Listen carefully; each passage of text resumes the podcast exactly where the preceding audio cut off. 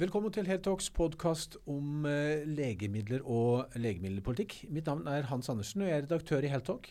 Mitt navn er Lars Brøk Nilsen, og jeg er journalist i Healthtalk. Og I dag skal vi snakke primært om to saker, Lars. Det ene er uh, Wait-rapporten som uh, er nå presentert. Den viser at Norge godkjenner færre legemidler og bruker lengre tid på å gi refusjon. Det gjør det, men uh, samtidig så er det norske beslutningstagere som ikke er helt enig i måten dataene er samlet inn på, og kanskje beslutningsgrunnlaget uh, for, uh, for, hvordan de måles opp mot hverandre. Mm. Så skal vi være veldig aktuelle. Revidert nasjonalbudsjett ble presentert av regjeringen for noen få timer siden, og der skjedde det spennende ting på legemiddelområdet. Ja, vi snakker både navneendringer og vi snakker sammenslåinger. Ja. Så noen, Et direktorat kommer, og et direktorat går bort. Det stemmer.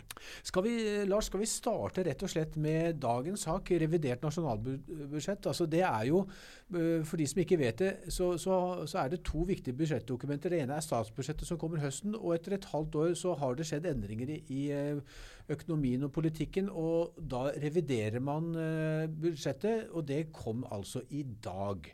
Så det er på samme måte regjeringen legger det fram, og Stortinget må vedta det. Så dette er et forslag fra regjeringen, men mest sannsynlig vil det meste gå igjen igjennom. Men, eh, og i alle fall, det som vi nå skal snakke om, det er eh, organisatoriske endringer. Og du har laget en sak på dette i, i dag, Lars? Ja, og, og, det som vi kan si er mest aktuelt på vårt område, er jo dette som går på den uh, helseforvaltninga, og hvordan vi styrer den her i landet. Og kanskje det mest iøynefallende i rapporten som vi har sett på, er jo det at uh, man nå skal styrke Statens legemiddelverk, eh, SLV. Uh, og uh, Legemiddelverket får nå et nytt navn, ifølge utkastet til revidert uh, nasjonalbudsjett. det skal nå hete Direktoratet for medisinske produkter. og Regjeringen skriver jo da at etaten vil som i dag ha ansvar for legemidler og medisinsk utstyr, mm. medisinske produkter inkludert regulatoriske virkemidler for å sikre tilgang til produktene, eh, forsyningssikkerhet, og en forsterket rolle eh, når det gjelder nasjonale innkjøp. Mm. Eh, starte, Hans, hva, hva, hva syns du om navnet? Det var jo litt byråkratisk, men uh, vi har jo vent oss til Statens uh, legemiddelverk, uh, så, så, vi skal vel venne oss til det nye navnet også. Men det betyr jo kort, kort fortalt at Eh, Legemiddelverket eh, eh, blir et direktorat. altså De, de, de kommer høyere opp på den hierarkiske byråkratlista. Eh, blir viktigere sånn sett. Ja, er det det det betyr i praksis? Et, direktorat eh, er et, et, et verk er, et verk er et gammeldags ord. Så i prinsippet har legemiddel eh, Eh, verket fungert som et direktorat, men et direktorat er en mer formell og en viktigere del av den norske forvaltningen, som f.eks. Eh, Helsedirektoratet eh, har vært og er. da, ikke sant? Slik at det blir eh, en, en et, et, liten økning i anseelse for Audun Hågå, som er sjef der, og hans 200-300 medarbeidere. Men uh, hva, hva, tenker du om denne endringa som gjøres nå? Hva, hva, hva, vil det bety i praksis nå framover, tror du? Det, det, vil ikke bety så enormt mye, tror jeg. Eh, men det som de får i tillegg, det skal også gjøre eh, vurderinger, altså kostnadsøkonomiske vurderinger og, og effektivitetsvurdering av eh, medisinsk utstyr. Eh, og det har de ikke hatt tidligere. Det har, eh, det, det har et, et, annet organ hatt ansvar for. Så de får mer ansvar kan du si, for hele alle innsatsfaktorene i helsevesenet. Alt fra legemidler til også da til røntgenapparater og annet medisinsk utstyr. Mm. Og Det er jo Folkehelseinstituttet som har hatt den uh, jobben før. Og den blir jo også, som du har skrevet i artikkelen, får bli kraftig barbert i ansvarsområdet.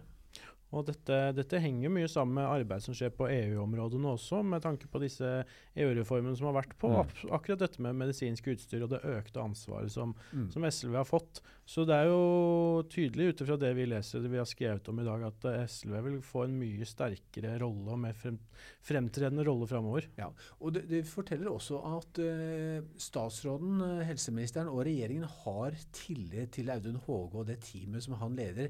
De har fått faktisk mye skryt fryd for måten de har håndtert de store restansene og etterslepet på metodevurderinger. Eh, så Der har statsråden Ingvild Kjerkol så sjelden som hun pleier å gjøre, eller som en statsråd, går direkte ut og skryter av en, en underliggende etat. Men han, Håge og kollegaene hans fikk betimelig skryt her for et halvt år siden for å ha ryddet opp i restansene. Og det teller med når man får mer ansvar. Og Det kommer også fram eh, i årsrapporten som SLV nå la fram for uh, bare et par dager siden. Mm. Eh, hvor det også kom fram at man har klart å hente igjen mye av det etterslepet som har vært. Mm. Eh, og Så går det jo selvfølgelig fortsatt diskusjoner på hva som kan være grunnene til disse store køene på metodevurderingen. da. Er det er det sakskapasiteten i SLV, eller er det eh, denne ventingen de sier på mm. dokumentasjonen fra selskapene? Det er jo den evige runddansen og spørsmålet ja. som går. Ja, Det kommer vi kommer litt tilbake til når vi snakker om Wait-rapporten, for det jo, kommer an på øynene som ser. Skal vi si litt også om eh, Eh, sammenslåingen av eh, dvs. Si Helsedirektoratet, da, som, som, sluker Direktoratet for eh, e-helse?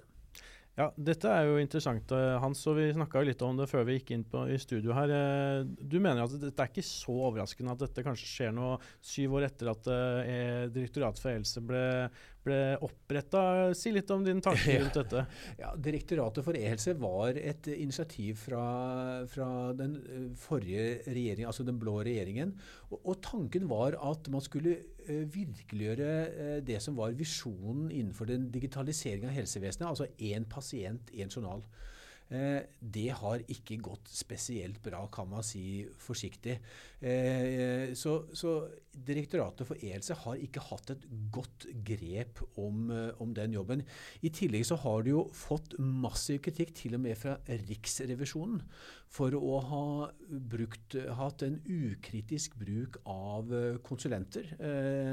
vi husker Aftenposten som for et par år tilbake avslørte at PwC, et stort konsulentfirma, Eh, partnere og konsulenter der eh, var nærmest, selv om de jobbet eh, i PwC, mm. var nærmest å anse som ansatte i, i, direktoratet. Og hadde ansvar ikke bare for å levere råd, men også å beslutte, gjøre mm. vedtak om økonomi, som uh, igjen ville gjøre at PwC fikk flere oppdrag. Ja. En, en, voldsom konsulentbruk, men også en konsulentbruk som mm. kanskje ikke kan ses så mange andre steder, med tanke Nei. på den, eh, den, makten og betydningen de fikk i selve direktoratet? Nei, altså Det var en, eh, en vettesløs bruk av konsulenter som, som faktisk har, som har sterkt bidratt til at eh, dagens regjering har ønsket å, og ønsker å redusere bruken av konsulenter i offentlig virksomhet. Så, så, så her eh, Kristine Bergland, som var da sjef i direktoratet, eh, sto for en, jeg vil si, en nærmest uvettig bruk av konsulenter. Hun hadde nesten 300 egne ansatte. Ja, For det er ikke få som sitter nede på ikke Skøyen? Ikke få som sitter nede på Skøyen i et eget flott, et svært eget bygg.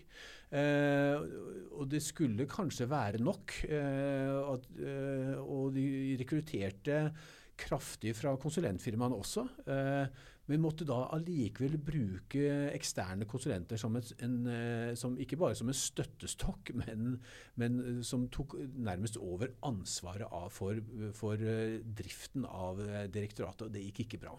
Vi kan også bare legge til veldig fort, Lars, at den, det produktet de skulle levere, altså Helseplattformen, der brukte de 200 millioner kroner, og det, det er eh, besluttet jo eh, den forrige regjeringen, forrige helseministeren, å, å skrinlegge etter alle disse fadesene.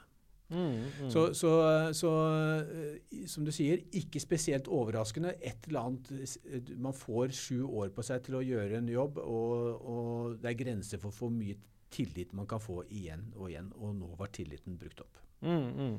Ja, det er dette én pasient-journal som vi viser til her, som, eh, som var det store, store, prosjektet. Det var det store prosjektet. Um, helt på slutten på revidert så kan vi kanskje bare nevne at det også nevnes at, uh, at det vil være en mer tilspissa rolle som et fagorgan for, uh, for folkehelsa, mm.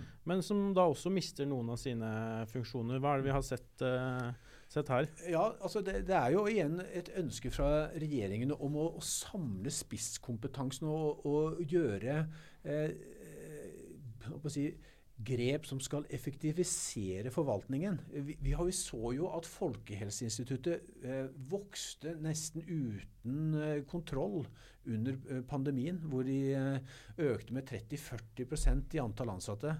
Eh, og det er klart at vi, vi, som er statsvitere, vi kjenner til hvordan forvaltningen slåss om oppgaver. Uh, og det har uh, vært en kamp om oppgaver. Camilla Stoltenberg har vært en, uh, en, en veldig klar og tydelig frontfigur, og som har hatt sine klare ambisjoner med Folkehelseinstituttet og tatt oppgaver.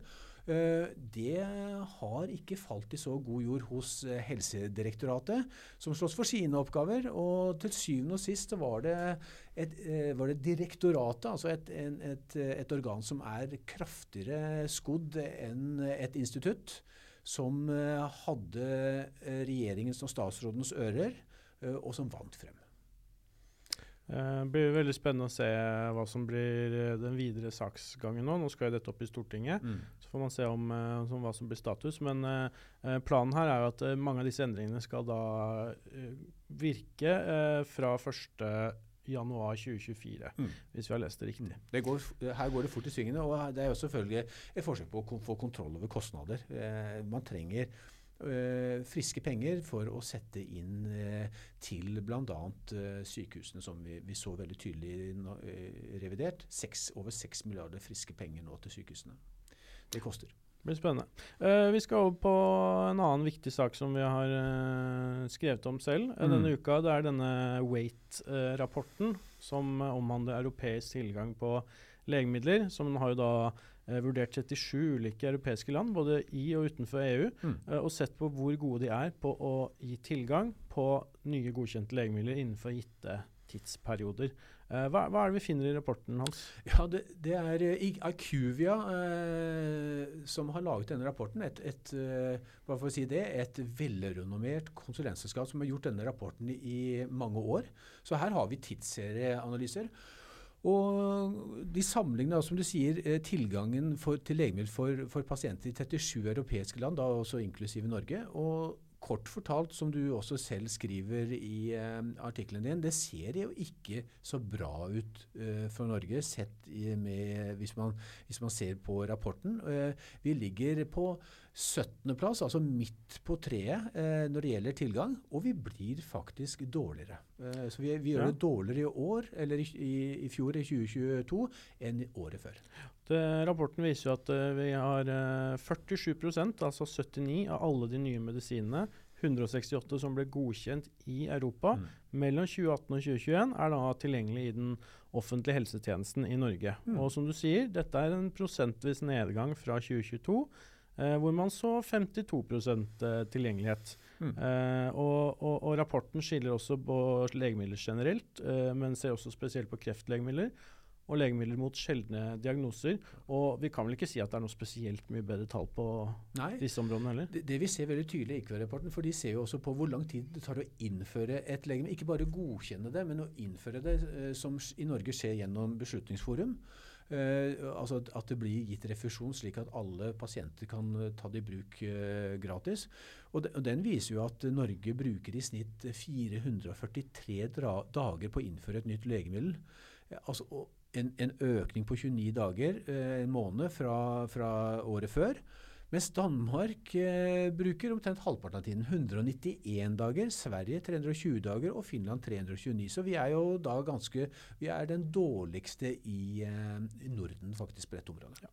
Så har vi fått noen uh, reaksjoner selvfølgelig på dette. Ja. Vi snakket jo bl.a. med LMI-sjef uh, Leif Rune Skymoen, mm. eh, som sier til oss at våre medlemmer opplever, og dette ser vi på tvers av landene, at Norge er et land som bruker lengre tid enn de andre på å ta legemidler i bruk. og Det er deres opplevelser. Uh, og så sier han også at uh, vi i bransjen er glade for at det tas grep for å korte ned tiden, og vi hadde håpet at dette skulle gi utslag i den nye Wait-statistikken. Vi ser at det dessverre mm. ikke er tilfellet. Ja. Uh, og han sier også videre at dette er et sammensatt bilde, og dataene sier at vi må sette oss sammen og finne enda bedre løsninger sammen mm. med myndighetene. Ja.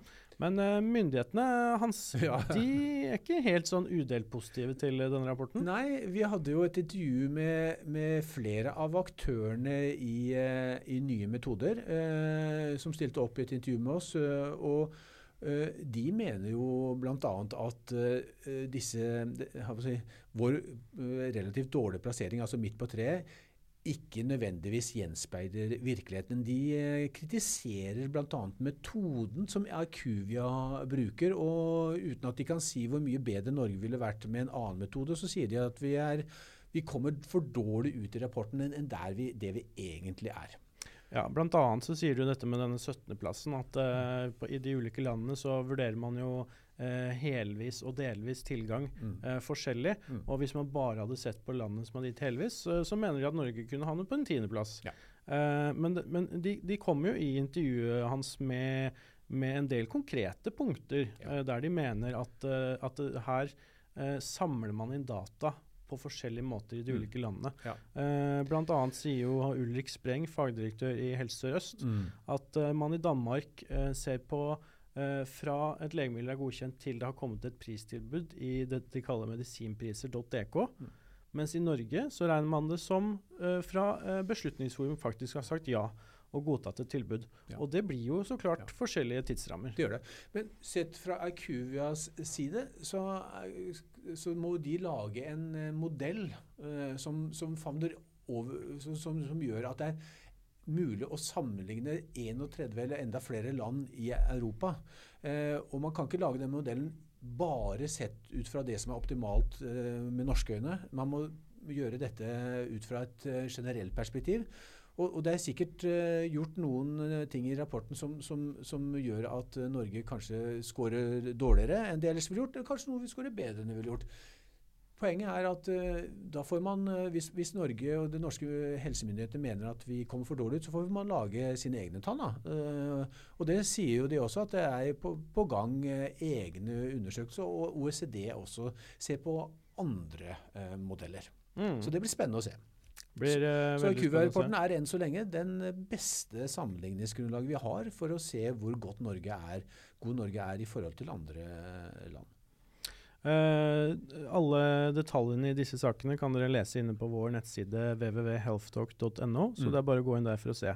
Uh, en annen sak som jeg tenkte vi kunne avslutte litt med, var jo en sak som har fått mye oppmerksomhet.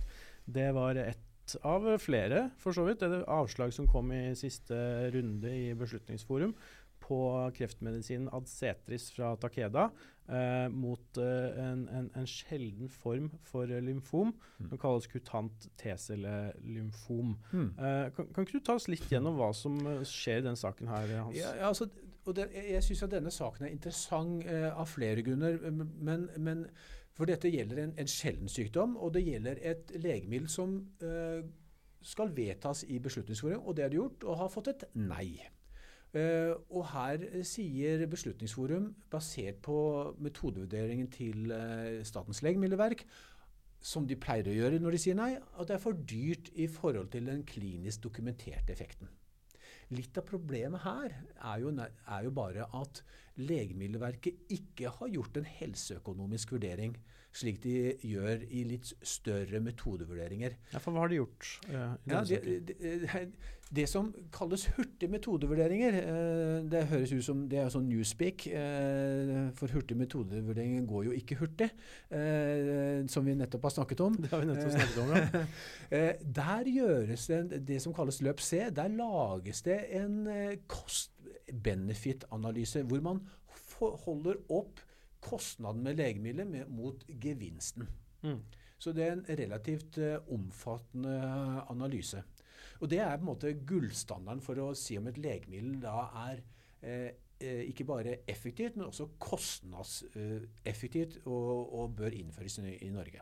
Mm. Men i dette tilfellet, og det ser vi nå stadig flere eksempler på, nettopp fordi at Legemiddelverket ønsker å spare tid i saksbehandlingen, så gjennomfører man enklere analyser. Altså I dette tilfellet et, eh, en ikke-hurtig metodevurdering, bare en, en enkel metodevurdering. Et ja, løp, en forenklet. Forenklet, ja. Begrepsbruken er ikke enkel. uh, og her uh, har man rett og slett bare gjort en kunnskapsoppsummering, og har ikke gjort en cost-benefit-analyse. Så, så, da blir det jo litt vanskelig å si at dette ikke er uh, kostnadseffektivt, når man faktisk ikke har gjort jobben. Uh, og Det er det flere som reagerer på i mm. denne sammenheng. Ja. Uh, vi har bl.a. fått kritikk, eller det har kommet kritikk gjennom oss fra, fra, både, fra både Alexander Fosso mm uh, lymfekreftlege fra OS, mm. og fra Takeda selv. Ja. Kan ikke du oppsummere litt hva det er de sier? Jo, jeg vil bare si også Det som også uh, Fosso sier, er at han mener at dette legemiddelet er godt dokumentert. Det er også innført for andre indikasjoner, som, som, Fosso bruker det til. Så han mener at, at det er åpenbart at, at for denne bitte lille pasientgruppen, som er bare en håndfull mennesker i året, der bør det innføres. Og Så sier han, og det dokumenterer også produsenten, at de har gitt et, et veldig innovativt pristilbud. For de har rett og slett redusert prisen, ikke bare på den indikasjonen som de ønsket å nå få godkjent, men også for de fire andre indikasjonene som allerede er godkjent. Så den samlede kostnadsøkningen for helsemyndighetene etter fem år ville være bare en halv million mm. for denne behandlingen. Og, og, selv om Takeda i intervjuet med oss ikke vil selvfølgelig si uh, hva de har tilbudt, så, så, mener jo de da, basert på det de kan fortelle oss, at dette er dette noe som uh, myndighetene kan ta seg råd til å si nei til. Ja. Uh, er jo deres mening. Ikke sant. En halv million er lite. Og, og, og Fosso sier jo til oss at noen pasienter har blitt så desperate at betaler store summer for privatbehandling. Da må de betale legemiddelets fulle kostnad, altså ikke med, te, med, med Takedas eh, rabatt. Eh, da betaler de 180 000 kroner hver tredje uke på Aleris. Så, så, det er eh, en, en prinsipiell eh, viktig sak for en, rett, sies, en, en liten pasientgruppe, men, men som, som, jeg tror har vakt oppmerksomhet både blant leger og i forvaltningen, og ikke minst blant selvfølgelig legemiddelindustrien. Eh, jeg ser tiden løper fra oss i dag, Hans. Mm. Vi kan jo bare avslutningsvis si at uh, de andre nyhetene vi ikke rakk over, uh, bl.a. en ny øyemedisin fra AstraZeneca som fikk EU-godkjenning. Mm. Det kan dere lese hvis dere går inn på forsiden vår, www.healthtalk.no. Uh, og Der finner dere også link til å melde dere på vårt uh, nyhetsbrev, som gjør at dere får oppdateringene våre direkte inn i din egen e-postkasse. Uh, så jeg tenker egentlig vi må runde av der og si takk, så skal du få siste ordet hans. Ja, jeg syns du har gjort det helt strålende, ja. Lars. Jeg sier bare takk for nå, og vi kommer tilbake med nye podkaster snart. Takk for oss.